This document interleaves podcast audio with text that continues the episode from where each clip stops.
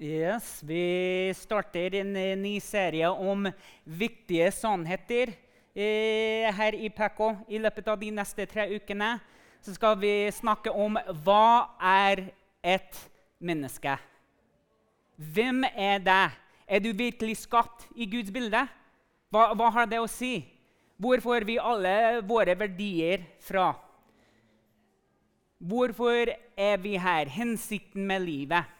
Så skal vi også snakke om eh, vitenskap og tro. Hvordan passer de to tingene sammen? Vi lever i en verden, i et samfunn, der eh, man vanligvis pleier å si at vitenskap det er det viktigste. Og eh, det er mye mer sannhet i, i seg enn faktisk tro her. Og kristne de liker å si at men tro er det viktigste. Det har ingenting å gjøre med vitenskap å gjøre. Men egentlig de to ting de passer veldig bra sammen. Så vi skal ikke se bort fra det ene for å bekrefte det andre. Og sannheter, Guds sannhet, det er overalt. Og i dag skal vi snakke om fins det en Gud. Eksisterer Gud i det hele tatt? Fordi man må begynne å innrømme at det fins noe annet, det fins noe større her i verden, og som er over oss, utenfor tidsrammer og sånne ting, som gir oss disse sannheter som vi skal snakke om i løpet av de neste tre ukene. Og det er sant at vi lever i en tid da folk krever fra kristne Svar på slike spørsmål. ikke sant? Hvis vi ønsker å engasjere samfunnet, hvis vi ønsker å engasjere familien og venner om hva vi tror på, da må vi virkelig ha svar på viktige spørsmål andre her. Bibelen sier dette i Hebreerne 11,6. Uten tro er det umulig å være til glede for Gud.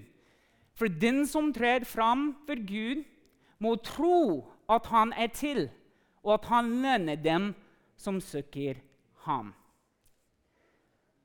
Når vi leser akkurat det her, og det er egentlig ikke bare her, men fra Det gamle testamentet til siste kapple av Johannes' åpenbaring, så vil vi la merke til at Bibelen er skrevet ut fra perspektivet at Gud fins.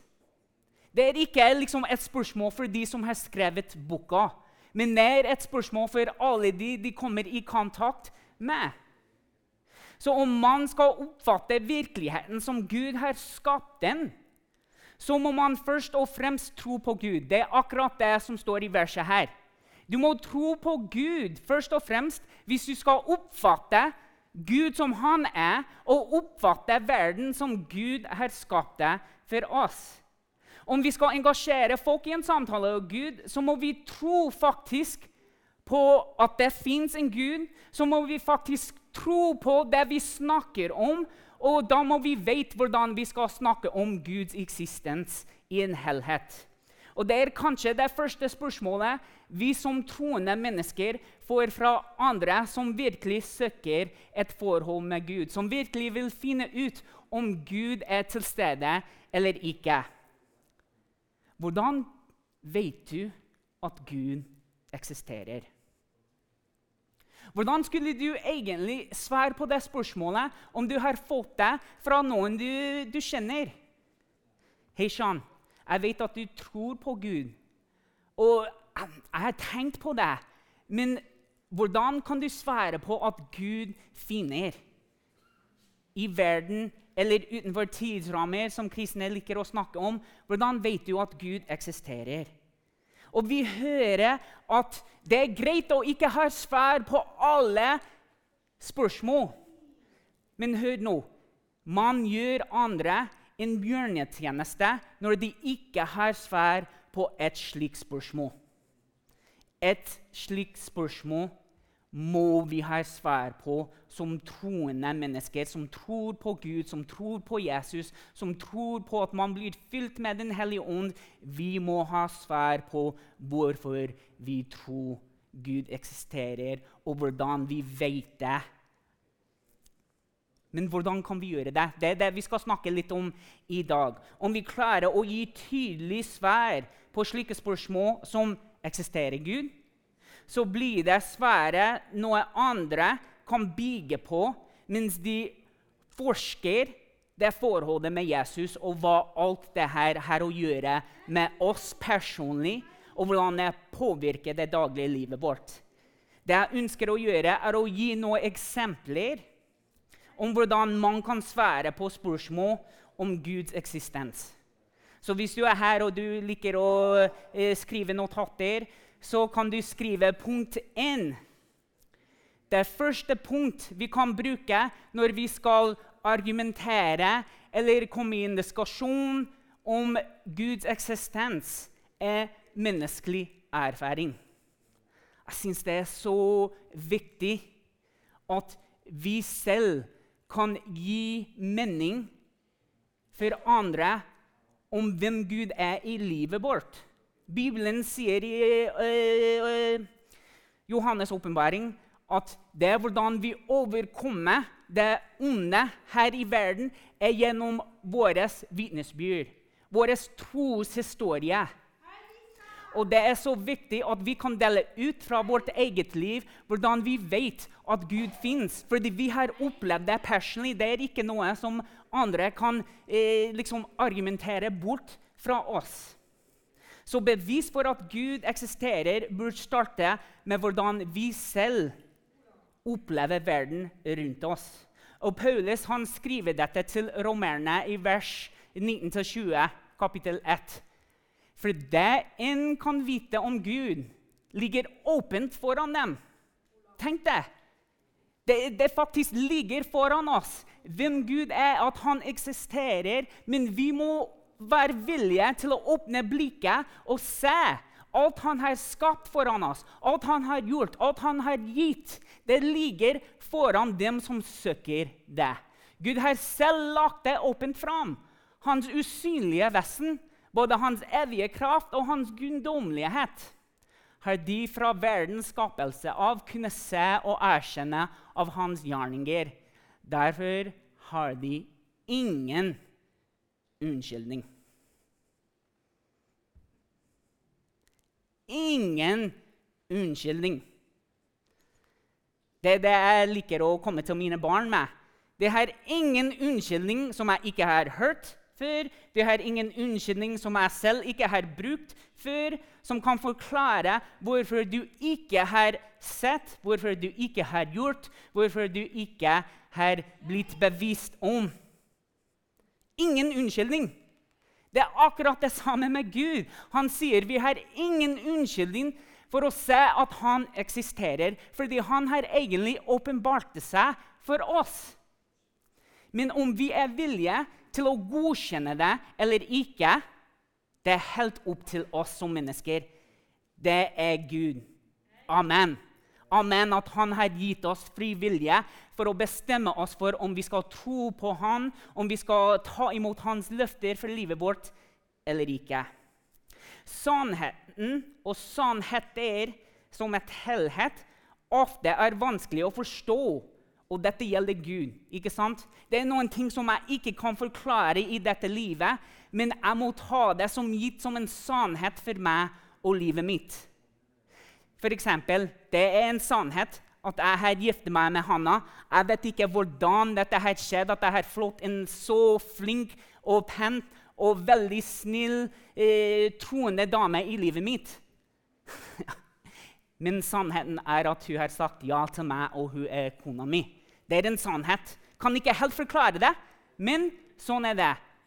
Og det er kanskje liksom ikke så god illustrasjon i forhold til at Guds sannheter de regnes sant over meg og livet mitt, over familien, selv om jeg ikke kan forklare alt.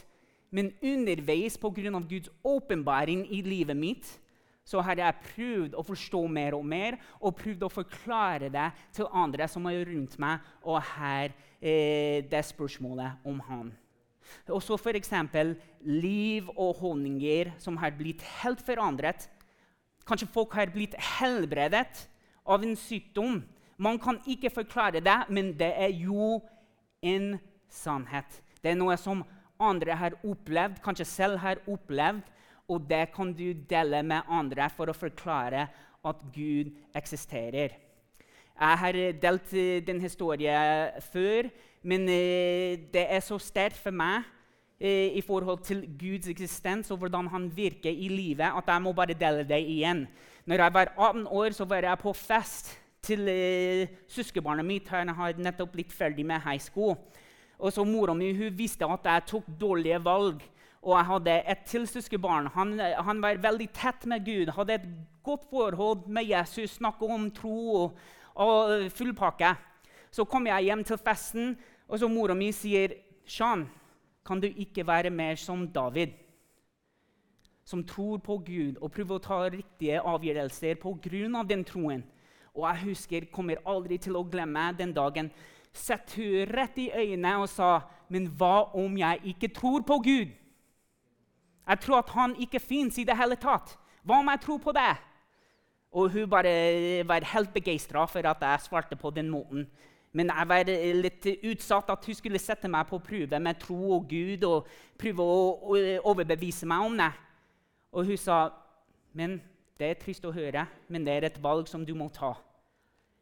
Og her står jeg i dag og snakker om Guds eksistens og hvordan vi kan vite og fortelle andre at det er faktisk sant. Her er en opplevelse for meg at jeg kan fortelle andre mennesker om som de kan ikke eh, forklare bort, argumentere rundt. Fordi det er en sannhet. Gud har forandret hele livet mitt. Og Når vi tenker på historien om Jesus, leser vi at Gud ble til et menneske. Først og fremst for å ha et forhold med mennesker. For å vise dem at han bryr seg om oss.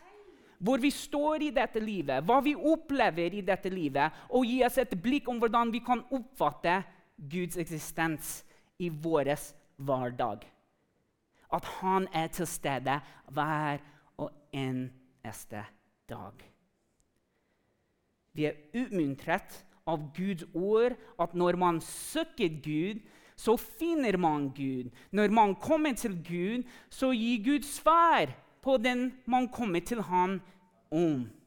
Vi møter Jesus i andre mennesker, i hans menighet, i hans ånd, og vi blir fylt av Den hellige ånd for å leve det livet Gud har kalt oss til. Hvordan kan man forklare det bort? Hvordan kan man si at Gud ikke eksisterer, når det fins hans menighet, hans folk, som går ut og gjør hans gjerninger så synlig for andre mennesker? Det er åpenbart for de som søker hvem Gud er, og kan forklare hvordan han eksisterer. Vi går til eh, punkt to nå. Og det har ikke så mye å gjøre med følelser og personlige erfaringer eh, med Gud, men det har mer å gjøre med jernet. Og det her kommer vi enda mer inn på neste søndag, når vi snakker om tro og vitenskapelige ting, og hvordan de to passer veldig bra sammen. Men eh, jeg tenker logikk det er noe jeg håper alle her. Men om de ønsker å bruke det for å eh, innrømme at verden har noe å gjøre med Gud, at vi som mennesker har en hensikt da vi ble skapt av Gud, må de bestemme for seg selv. Og En av de første logiske argumentene som jeg syns er veldig bra, og alle skal prøve å huske på, kanskje undersøke litt mer om, det er det kosmologiske argument. Det her med universet å gjøre. Jeg skal ikke gå veldig dypt, for jeg er ikke den type som klarer å forklare alle de store ord og definisjoner og sånne ting. Men her er et eksempel om hvordan vi kan bekrefte at Gud fins. Og det argumentet går sånn. Guds eksistens som hevder at alle ting i naturen den er avhengig av at noe annet får sin eksistens f.eks. at alt er avhengig på noe annet. Jeg ble til fordi mora mi og faren min ble sammen. Så ble jeg født. Og hvordan ble den født? På akkurat samme måte. Vi fyller den helt opprinnelsen. Det må være en vesen som er utenfor det tidsrammet vi snakker om, som er opprinnelsen for alt mulig. Og hvis vi skal bruke logikken vår, da må vi være klar for å fylle det hele veien til Guds opprinnelsen av verden. Igjen, Det er ikke noe som man kan argumentere bort. Til og med er det flinke ateister som sier at jo, det må være en opprinnelse av verden. Men hvem har gjort det, og hvor det her kommer fra, det kan vi ikke akkurat gi svar på.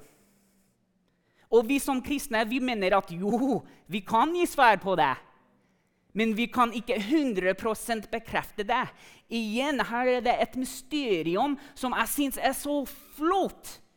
At vi kan ikke låse gåten, men vi må ta den på tro at Gud har gjort det. Jeg syns det er så herlig at ikke alt i verden eh, kommer med en eh, rent forklaring og beskrivelse om hva skjedde, men at vi må tørre å tro på Gud, Jesus og Den hellige ånd. Det andre argumenten eh, kalles for intelligent design. Og det er her noe mer vi skal gå inn i neste søndag. Men argumentet med det her er at vi har blitt skapt med en hensikt. Det var ikke bare en tilfeldighet at man har fått hår, arm, to bein, munn, eh, liksom, eh, lydboks som vi kunne snakke med. Liksom, til og med universet har blitt satt sammen på en slik måte at hvis bare én ting, én ting datter ut, så kollapser hele universet. Kanskje jeg vet ikke. Kanskje jeg bare snakker ut begge sider nå. Men hvis jeg husker riktig, så er det riktig. Nei, man må være ærlig noen ganger og bare si sånn, eh, sånn det er. Men hvis en ting er ikke helt på plass, da blir det ikke det verden vi kjenner til, i hvert fall. Så Gud, han som er den intelligente bak teppet der, som har skapt alt, han er, han er den som har designa oss og gitt oss dette livet, gitt oss dette universet, som vi kan forske og undersøke og bli glad for at det fins. Ikke fordi bare at det fins, men for at han fins. Det er han som er vår skaper. Og den tredje er det morale argumentet. Hvor kommer det moral fra? Hva er galt? Hva er riktig? Hva er et løgn? Hva er sant? Hvilken vei skal jeg gå? Hva er våre verdier? At jeg skal elske min nabo, eller jeg skal drepe den personen? At jeg skal være sjenerøs, eller jeg skal være tilbakeholdende? At jeg skal bry meg om dere, eller jeg skal bare snu ryggen og så bare tenke helt på meg selv og det jeg ønsker å holde på med? Hvor kommer alle disse tingene fra? Hvis Gud ikke fins, fins ikke objektive moralske verdier og plikter. Da kan vi bare drive med på hva som helst. Men hør nå det fins objektive verdier og plikter. ikke sant? Alle kan bli enige om det. Derfor fins det en Gud. Eller kanskje jeg sier feil nå. Hvem vet? Det er et argument, det er en samtale, det er en sannhet at du må bestemme for deg selv. Men i hvert fall tør å tenke på det. Ikke bare skyve det ned, kuste under teppet og glemme det. Det syns jeg er litt feil med verden. er at Vi liker ikke i det hele tatt til å ha de ubehagelige tanker om Gud, og at han er en autoritet over verden. Om Gud, og at han har kalt oss til å bli kjent med ham. Fordi Hvis det er sant, hvis Jesus er veien, sannheten eh, og livet, da må vi følge etter den veien, sannheten og livet. Ikke vår vei, ikke våre sannheter, ikke vårt liv. Det er vanskelig, folkens. Men det med moralske og verdier er så viktig for oss å tenke på og snakke om når vi ønsker å forklare hvordan vi vet at Gud fins her i verden vår. Og logikk det kan engasjere folk i gode samtaler om Guds eksistens. Ikke sant?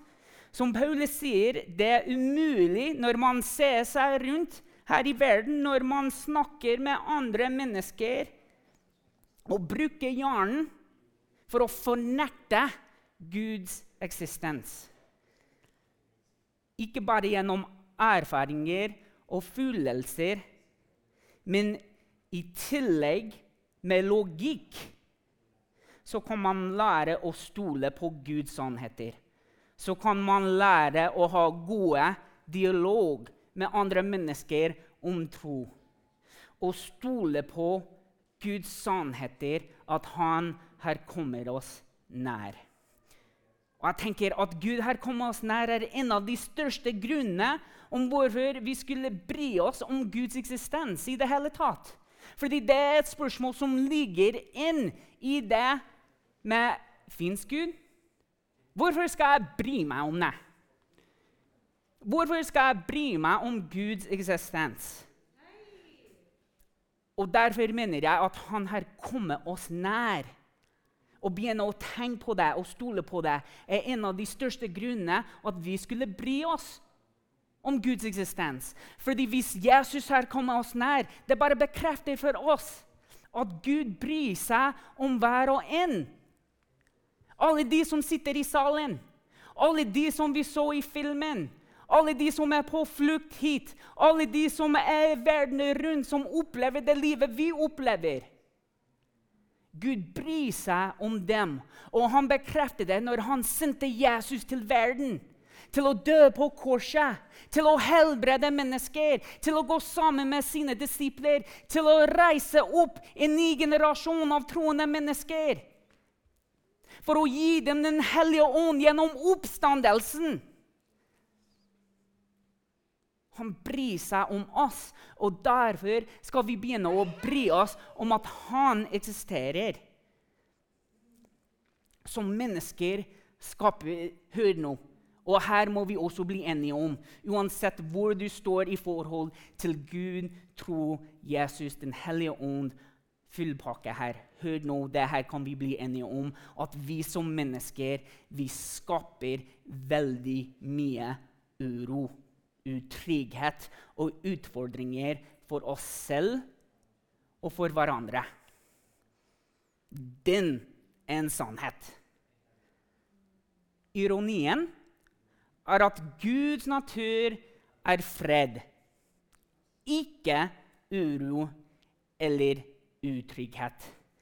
Fred etterlater jeg dere. Min fred gir jeg dere, ikke som verden gir gir jeg dere. La ikke deres hjerte forferdes. Frykt ikke.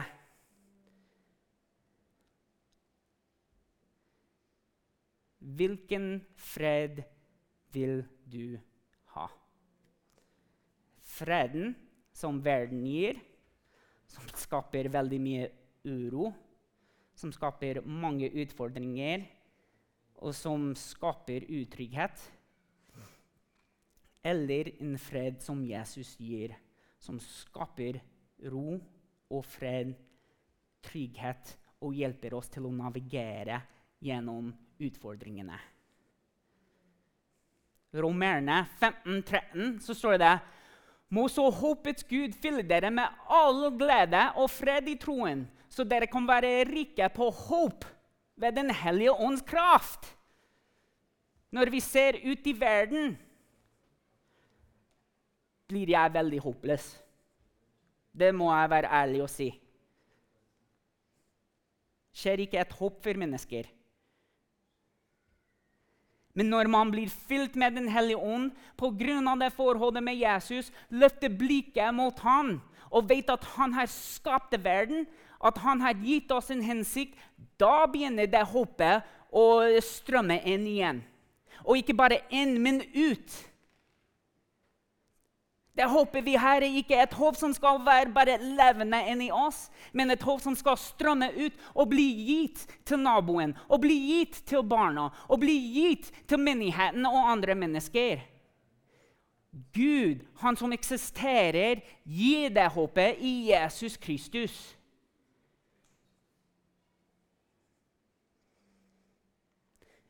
Nøkkelen å vokse nær Gud er ikke å unngå Han, som mange pleier å gjøre. Jeg vil ikke snakke om, vil ikke tenke om, vil ikke gå dit hvor jeg kan høre om. Men heller vil jeg bare trekke meg bort fra alt som egentlig er godt for meg og livet mitt. Og leve livet mitt som jeg mener er godt. Vi må be om å kjenne Gud. Vær ikke bekymret for noe. Mange går rundt med mange bekymringer. Vi leser her at vi skal ikke bekymre oss for noe. Vi skal ikke frykte. Men la i alle ting bønneemnet deres komme frem for Gud i påkallelse og bønn med tak. Og Guds fred, her er det fred igjen, som overgår all forstand, skal bevære deres hjerter og deres tanker i Kristus Jesus. Bibelen, Guds ord, er historien om hvorfor mennesker skulle bry seg om Gud og hans eksistens. Guds hellige natur er åpenbart for oss, i kontrast til vår synd-natur man ikke vet at de er skitne, for noen forteller dem at de er skitne folk. Derfor skal du ta en dusj fordi du er skitten. Her er det vi sier.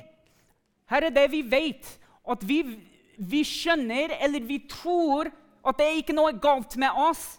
At vi er ikke syndige mennesker før Jesus kom til verden, før Guds eksistens kom i vår nærhet, for å fortelle oss at dere har ikke det livet som jeg har kalt dere til. Dere må gjøre noe med det. Dere må bli rettferdige mennesker. Kom og bli helliggjort av meg.